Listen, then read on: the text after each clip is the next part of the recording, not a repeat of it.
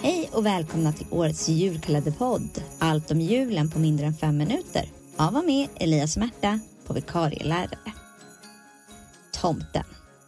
Om vi börjar med ordet, alltså tomte, så kan vi ju känna igen det från samma ord som man använder för att benämna platsen där ett hus står. Tomt. Ordet tomte kommer således från ordet tomt och anledningen var att man trodde att den första personen som bodde på platsen blev gårdens tomte då han dog. Men då kallade man honom inte för tomte utan för tomtrå. Den som råder över tomten helt enkelt.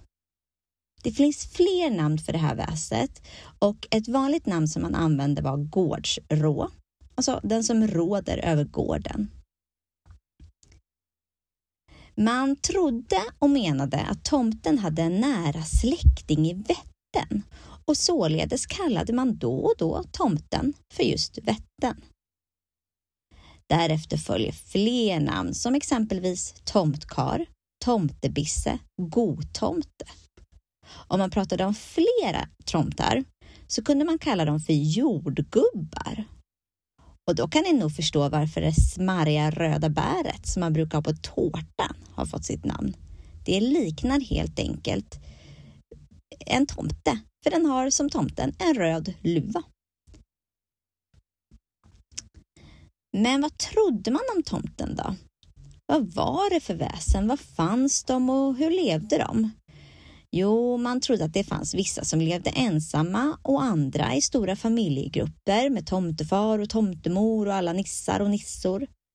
Kanske bodde de i ett uthus på gården, i väggen eller på höloftet. Tomtarna trivdes med gårdens hästar och älskade att pyssla om dem. Man trodde att tomten var ungefär i dåtidens mått mätt en tvärhand hög och det motsvarar ungefär 8 till 10 centimeter. De hade grå kläder och en röd toppluva.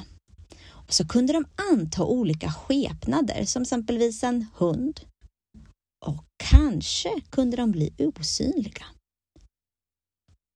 Man tänkte att tomten var ett snällt väsen, men det var viktigt att man respekterade tomten och inte retade upp dem, för då kunde de bli arga. Och att vara snäll mot tomten innebar i mångt och mycket att ta väl hand om gårdens djur. Dessutom behövde man ge tomtarna mat och dryck samt nya kläder en gång om året. Och det var vid jul det skulle ske.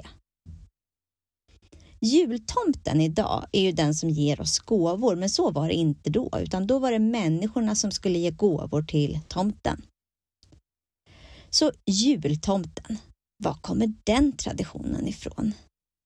Jo, jultomten har rötter dels i den svenska folktron, alltså det jag berättade ovan, och dels från det katolska helgonet Nikolaus. Det här helgonet ska kastat in säckar med guld till en fattig man som annars skulle vara tvungen att sälja sina döttrar. Och fadern ska då ha upptäckt Nikolaus och blivit evigt tacksam och således kom tanken om att vara givmild till jul. Under tiden som jultomten utvecklats så hoppar både Coca-Cola och Disney på det här och förstärker bilden av den här nutida tomten, jultomten som är rödklädd och har ett stort vitt skägg.